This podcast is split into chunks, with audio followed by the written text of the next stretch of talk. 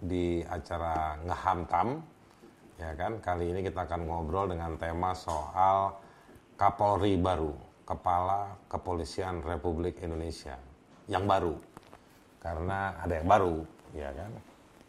Nah, namanya Sigit Listio.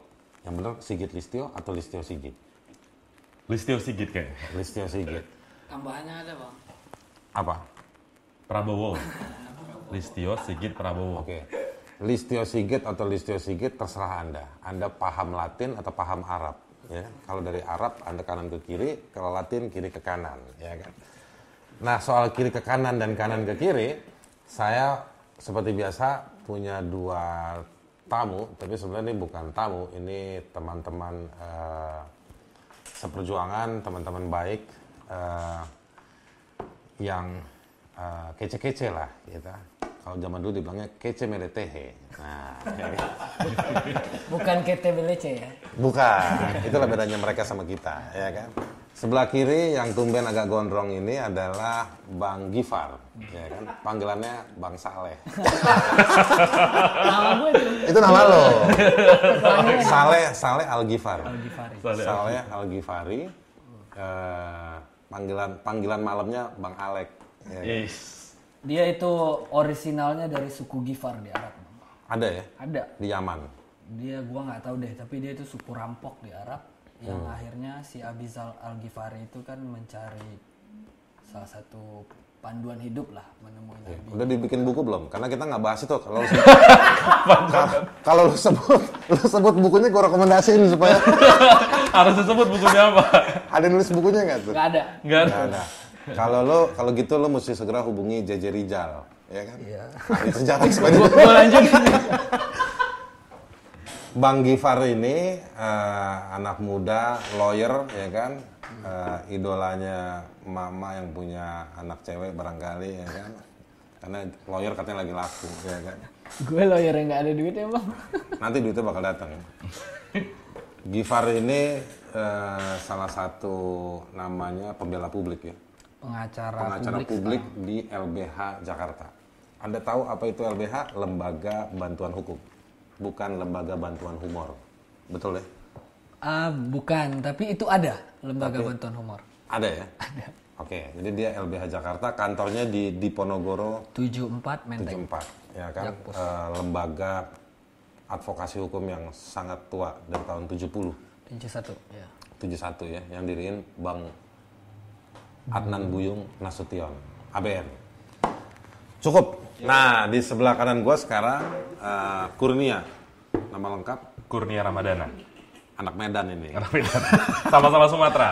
Sama-sama Sumatera ya. Sumatera ini Sumatera. Tapi kalau dia pesawat dibuang duluan siapa? Dia ya. Dia dulu di. Sumatera Barat.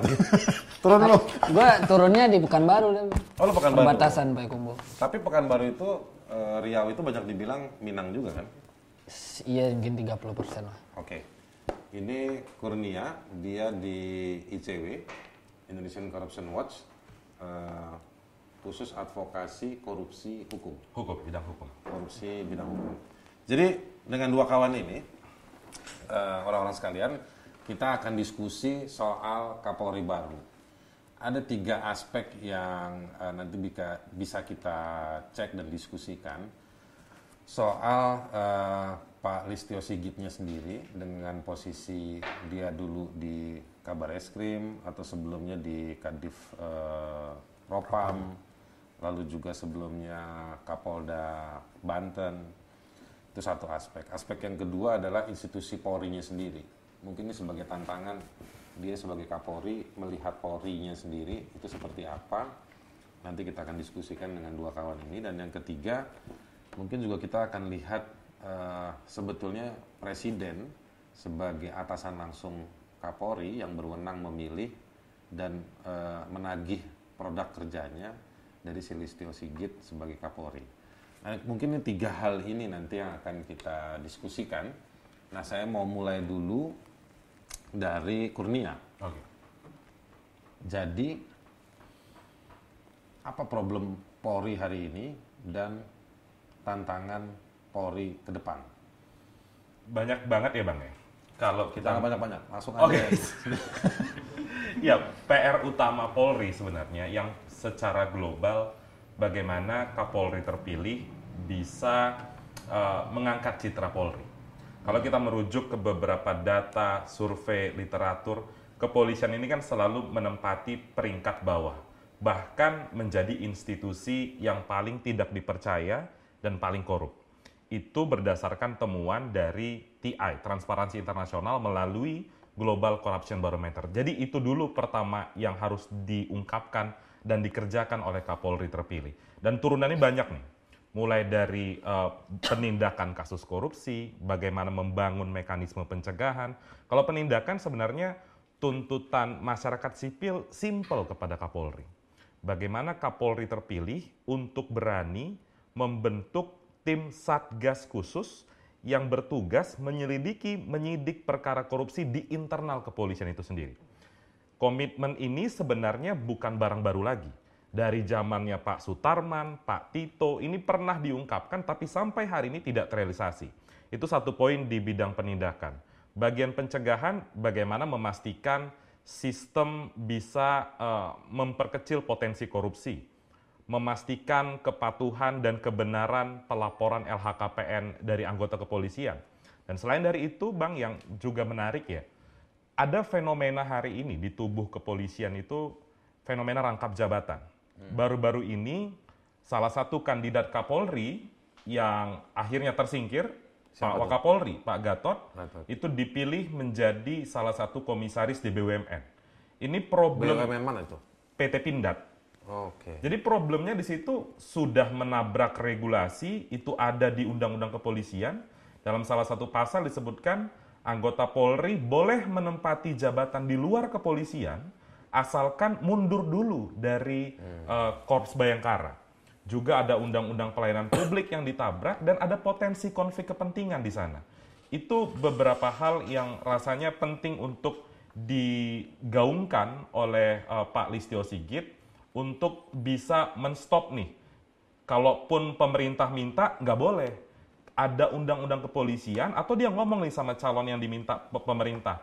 Lu boleh untuk menempati jabatan di luar eh, kepolisian, mau jadi komisaris dan lain-lain, tapi lu mundur dulu jadi polisi. Oke, oke, oke. Nah itu yang kita tuntut kepada Kapolri eh, terpilih baru untuk bisa merubah struktur yang sudah terlanjur bobrok di Korps Bayangkara. Jadi itu sedikit dari banyak tadi yang lu Sedikit bilang. dan masih sedikit tuh. Jadi intinya lu mau bilang bahwa bagaimana Kapolri yang baru, Pak Listio Sigit ini, bisa itu menertibkan bersih-bersih di dalam. Iya.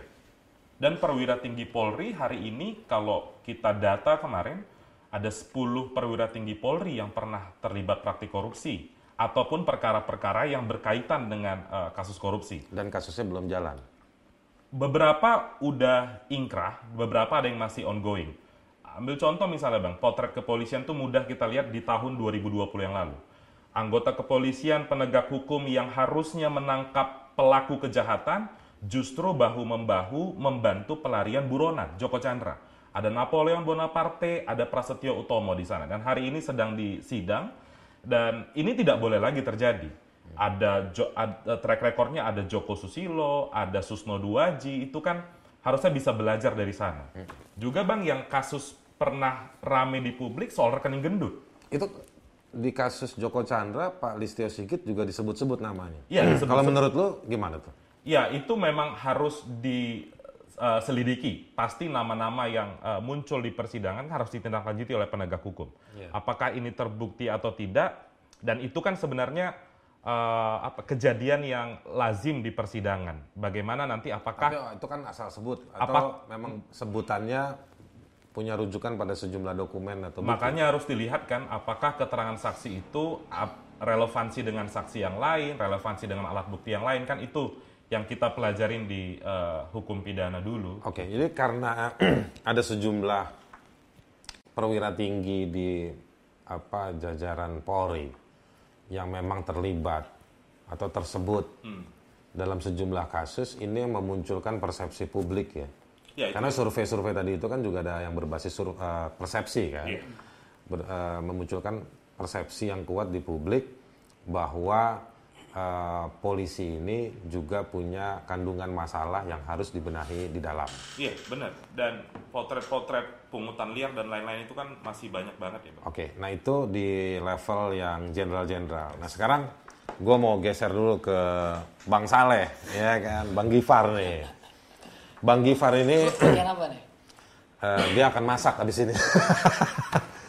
Bang Gifar ini eh, pengacara yang banyak membela kasus-kasus kriminalisasi atau pemidanaan yang dipaksakan. Jadi banyak membela orang-orang eh, yang apa namanya ditangkap, ditahan dan lain-lain.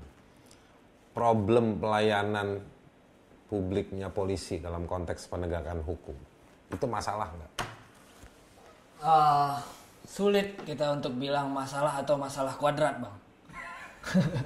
Karena Ini diskusi, terakhir diskusinya hukum dan HAM bukan matematika. Karena terakhir kan lu ya salah satunya ikut bantu lah ya di persoalan ini ada kasus di mana uh, fenomena tahun 2019-2020 itu masif sekali. Uh, di mana ya banyak rakyat kecil yang dia nggak punya akses yang memadai untuk uh, memahami hak asasinya, hak-hak hukum dia dan seterusnya itu ditangkap hanya karena dia yang di Jakarta lah misalnya yang gue berhadapan langsung ya. Ya lebih banyak 2019 2020 itu karena berekspresi aja karena menyampaikan pikirannya pendapatnya. Dan gue rasa fenomena ini memang sama ya seluruh Indonesia. Banyak orang menyampaikan pendapat tiba-tiba ITE masuk dan seterusnya nah terakhir yang mau gue bilang yang sangat jelas banget ya di beberapa kebijakan yang masyarakat mengkritik eh, aturan-aturan pemerintah yang memang kontroversial. Misalnya di Undang-Undang. KPK dulu ya, eh, Undang-Undang 2019 KPK, Cipta Kerja termasuk bang, itu kan udah yang di 2020 ya. Eh, di 2019 Undang-Undang KPK semua orang misalnya ya mayoritas masyarakat menolak hal ini dan itu terwujud dari eh, apa namanya banyak yang menyampaikan secara langsung melalui aksi-aksi maupun penyampaian pendapat unjuk rasa. Terus kemudian dari berbagai sektor mahasiswa, buruh, tani dan seterusnya.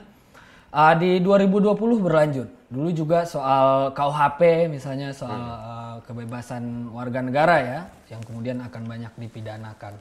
Nah, masalahnya polisi dalam ah, posisi ini nggak ngambil posisi netral sebagai penegak hukum. Tapi kemudian ya orang-orang berpendapat ini dikriminalisasi dan seterusnya. Di 2019 itu lebih dari 1.400, 1.500 untuk Jakarta aja gue catat ada penangkapan.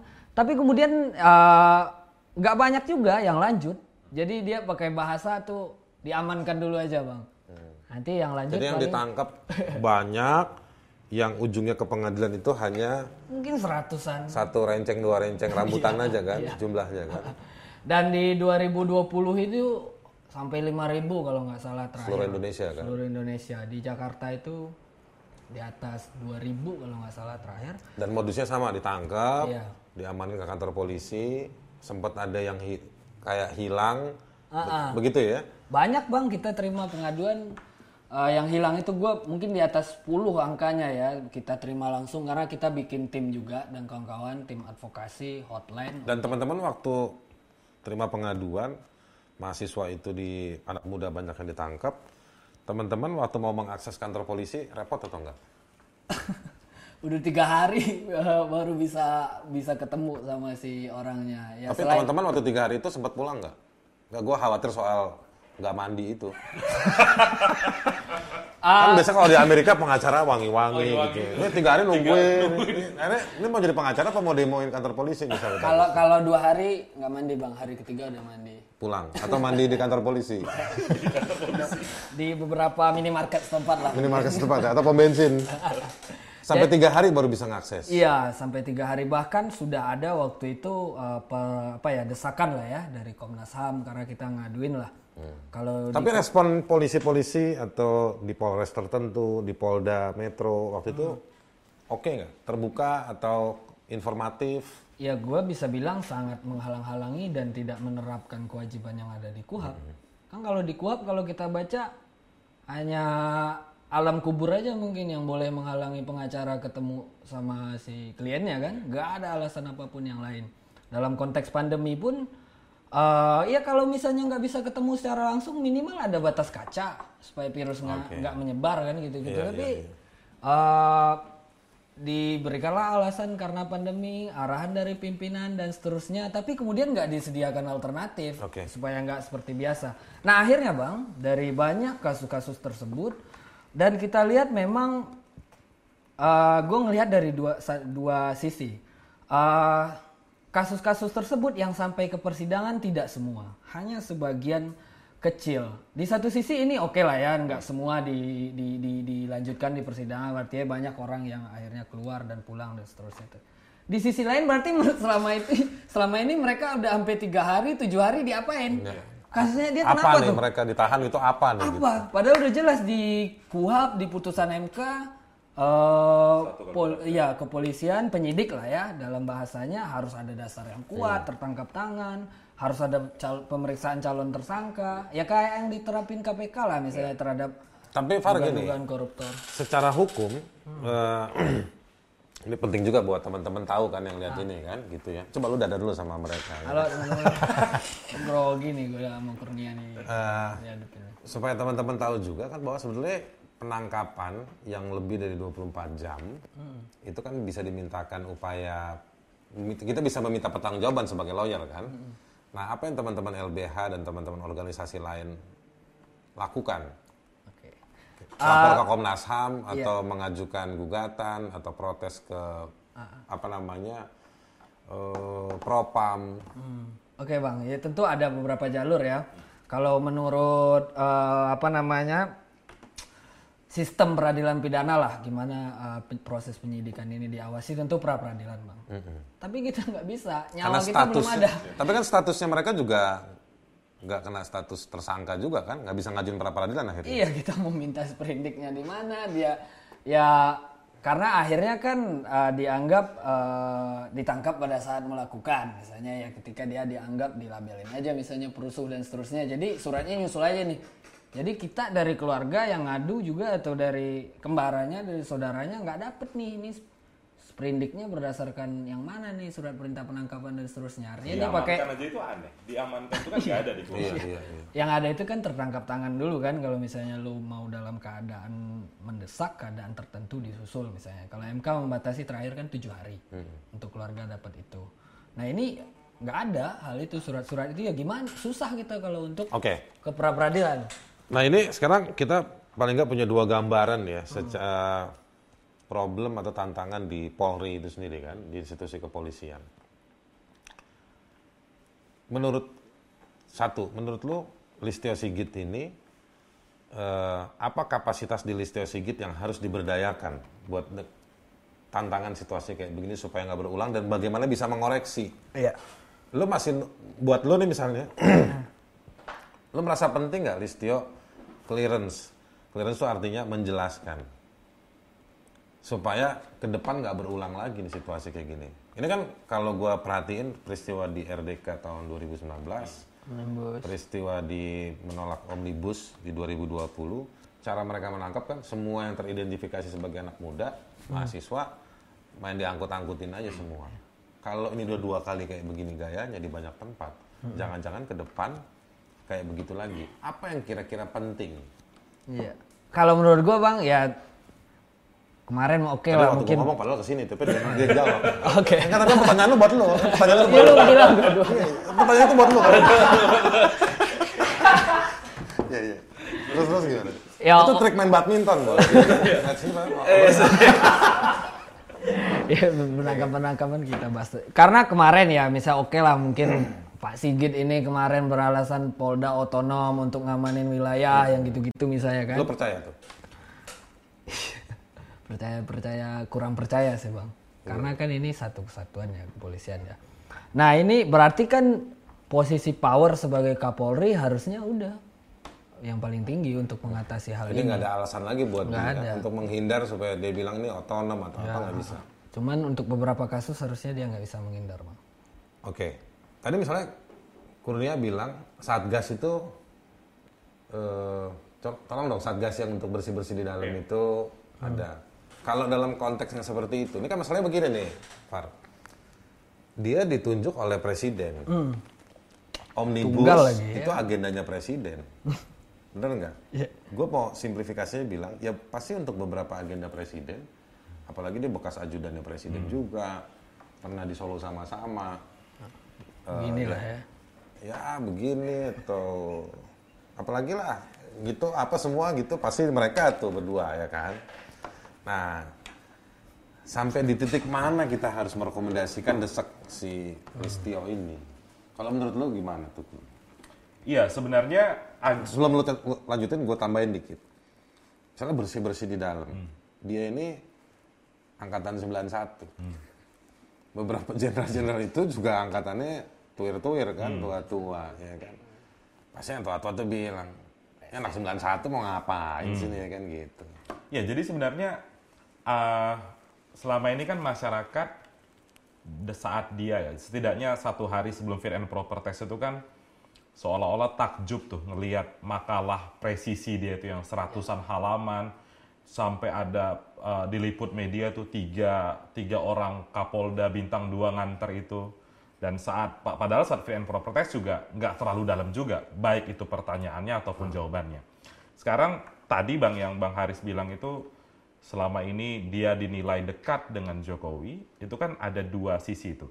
Sisi positifnya koordinasinya lebih gampang. Sisi negatifnya itu tuh agenda pemerintah. Dia jadi di- diamankan semua oleh Polri. Dan juga yang paling penting untuk Listio sekarang Pak Listio adalah bagaimana dia memilih jabatan-jabatan strategis di Polri adalah orang-orang yang benar-benar firm. Baik segi profesionalitasnya, integritasnya karena kan yang ngurus teknis bukan dia nih. Yang tadi diceritain Gifar segala macam potret pelanggaran HAM itu kan eh, mandat operasionalnya itu kan ada di level-level bawah. Maka dari itu dia harus pilih orang-orang yang benar-benar firm bukan sekedar menghargai atasan-atasannya yang mungkin selama ini tidak punya jabatan atau kandidat-kandidat yang kalah di kontestasi Kapolri. Gitu. Jadi orang-orang sekalian, ini kira-kira begini nih. Ada tantangan di Polri. Tantangan itu juga punya apa apa bayangan dari apa yang terjadi belakangan eh, di atau melalui Polri itu sendiri. Nah, Pak Listio sudah dipilih oleh Presiden karena memang dia memiliki satu privilege yang ini memang nggak ada di atas kertas dan tidak dimiliki oleh banyak kandidat yang lain, yaitu misalnya kedekatan dengan Presiden, gitu kan. Dan- Nah sekarang bagaimana maksudnya kurnia itu bagaimana? Ya sudah kalau memang sudah seperti itu kita bisa berdebat panjang setuju atau nggak setuju. Nggak ada di kertas. Artinya nggak ada dalam aturan perundang-undangan harus dekat sama presiden. Tetapi dia sudah terpilih dan kemudian bagaimana mengkonsolidasikan ya putra dan putri terbaik lah kira-kira bahasanya Ya, begitu kan. putra ya putri terbaik. putra dan putri terbaik di Polri itu secara berlapis eh, mengepung membantu. Artinya ada di sekitar Kapolri Listio Sigit membantu supaya memang punya efek perubahan yang baik. Jangan sampai lagi ada praktek kapal keruk terhadap anak muda ditangkepin hanya gara-gara mengkritisi kebijakan-kebijakan Jokowi misalnya gitu ya Kur ya? Dan gini bang, kalau gue mau tarik lagi di proses awal ya, saat pemilihan Kapolri, di situ sebenarnya ada problem juga bang. Kan kalau proses pemilihan Kapolri kan ada Wanjakti, ada Kompolnas yang mengajukan kepada Presiden. Harusnya kan ada nih saluran khusus untuk masyarakat bisa berpartisipasi, memberikan masukan. Nih lima orang jenderal nih apa nih catatannya nih? KPK, Komnas HAM, Ombudsman, menurut lo kemarin kasih masukan nggak? Menurut Pernah gua- dengar nggak? Mungkin mereka kasih, tapi salah- Kalau salah dilihat pintu. dari pemberitaan media nggak ada.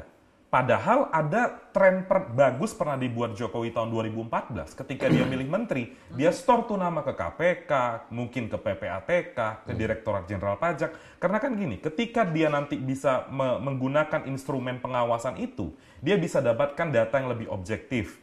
Misalnya ada potensi rekening gendut, pelanggaran hukum, nggak pernah bayar pajak, LHKPN-nya taat atau Iya. enggak. LHKPN bang, lima orang yang diajukan Kompolnas itu, itu cuma satu yang patuh lapor LHKPN. Siapa? Empat lagi enggak.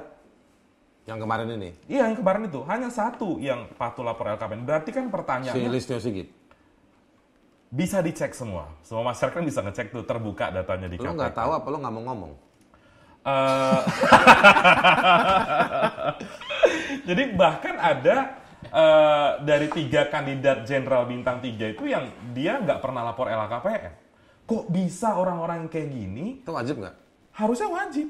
Kan itu diatur di Undang-Undang 2899, ada peraturan KPK-nya. Loh kok bolong nih di Kompolnasnya? Kita kita nggak persoalan deh siapa siapa yang terlibat Pak Listio atau siapa pun, tapi prosesnya ini Ya, dijaga. poin lu tadi adalah soal si lembaga pengawas juga. Lembaga pengawas itu dimanfaatkan. Dan lembaga pengawas meloloskan nama-nama tersebut meskipun syarat-syarat syarat-syarat misalnya apa daftar kekayaan itu nggak ada, nggak ada juga. bang, memang itu udah jadi habitnya presiden. 2014 dia minta, ketika pemilihan Kapolri Budi Gunawan dia nggak minta lagi tuh. Padahal Hmm. KPK pernah bilang tuh, ini nama nama Pak Budi Gunawan ini pernah dicoret jadi menteri. Tapi ketika Kapolri tetap tuh diajukan nggak ada saringan gitu. Oke, oke. Eh, sekarang poin soal begini, gue mau ngejar dulu soal lembaga pengawas. Eh, sebelum nanti kita masuk ke soal si Jokowinya sendiri. Oke. Tapi penggembosan, eh, ya yang kita rame-rame soal KPK lah. KPK ya menurut kita, gue sih meyakini ada downgrade kualitasnya. KPK, Komnas HAM, Ombudsman di tengah-tengah juga transisi Ombudsman ini. Ini juga dia terkondisikan atau enggak sih? Iya dengan dengan adanya eh, Komisaris Jenderal Firly Bahuri, kami sejak kita sejak awal udah duga bahwa Yang ini stikernya banyak di HP lo itu ya.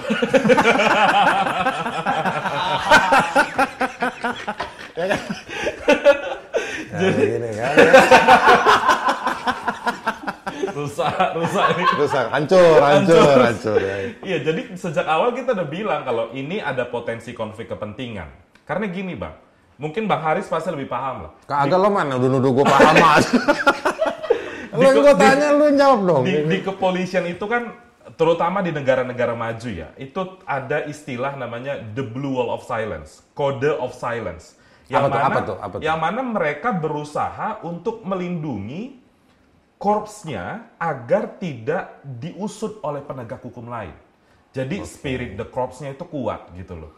Dan kita lihat ini sering kejadian nih. Jadi, atau- sorry gue potong. Jadi maksudnya KPK, Komnas HAM, Ombudsman, atau misalnya Direktorat Pajak, itu nggak mau kasih catatan secara proaktif supaya mereka nanti ke depan kalau bekerja nggak diganggu juga sama polisi. Bisa kayak begitu nggak? Kalau gue ngelihatnya lebih ke arah eh, koordinasi bang, koordinasi antara institusi kepolisian dengan lembaga pengawas spesialisnya itu KPK gitu loh. Kan ini jadi problem juga di polisi hari ini. Bagaimana konflik cicak versus buaya dan itu bukan tidak mungkin terjadi ke depan kalau Kapolri terpilih tidak komitmen ketika nanti seandainya ada perwira tinggi Polri yang diusut oleh penegak hukum lain. Misalnya, bagaimana Pak Listio berkomitmen seandainya nanti ada perwira tinggi Polri yang usianya di atas Pak Listio, yang angkatannya di atas Pak Listio. Apakah dia berani menjamin Yang tinggi yang- badannya lebih tinggi dari Pak Listio. Iya. ya itu makanya Bang, ba- Tapi Pak Listio tuh cute ya. Kecil, nggak berkumis. Benar setuju nggak lo? Lu kumisan lo, Pak. yang berkumis siapa Bang? Yang berkumis. Eh, Agus? Agus oh iya, iya Agus ya. Agus kumis loh. Agus, Agus. Ini nggak penting sih topiknya.